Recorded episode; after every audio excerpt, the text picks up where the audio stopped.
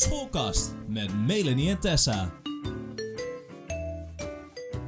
Hoi, Melanie en Tessa hier. We hebben even een kleine update over de podcast. Ja, in verband met uh, corona hebben wij helaas het besluit moeten nemen om voorlopig de opnames van de afleveringen stop te zetten. Ja, de eerste twee afleveringen die hebben wij namelijk nog op school opgenomen. Maar zoals je misschien de afgelopen weken hebt meegekregen vanuit het nieuws, is dit op dit moment helaas niet meer mogelijk. Ja, we hebben geprobeerd om via internet aflevering 3 op te nemen, maar uiteindelijk hebben wij toch besloten deze niet te publiceren. We merkten namelijk dat de kwaliteit van de podcast enorm achteruit gaat en dat is voor jou als luisteraar niet lekker om naar te luisteren. We willen een kwalitatief goede podcast maken en helaas lukt dit niet via deze weg. Zodra er weer een mogelijkheid is dat wij weer samen in één ruimte mogen zitten, dan gaan we natuurlijk zo snel mogelijk weer beginnen met het opnemen van alle podcasts. En uh, we zullen die dan gewoon net zoals uh, voorheen weer elke week gaan publiceren. Ja, Houd hiervoor onze Instagram-pagina Schoolkast in de gaten voor het laatste nieuws. Wil je jouw schoolervaringen met ons delen zodat we deze ook kunnen behandelen? Dan kan je dit sturen via de DM.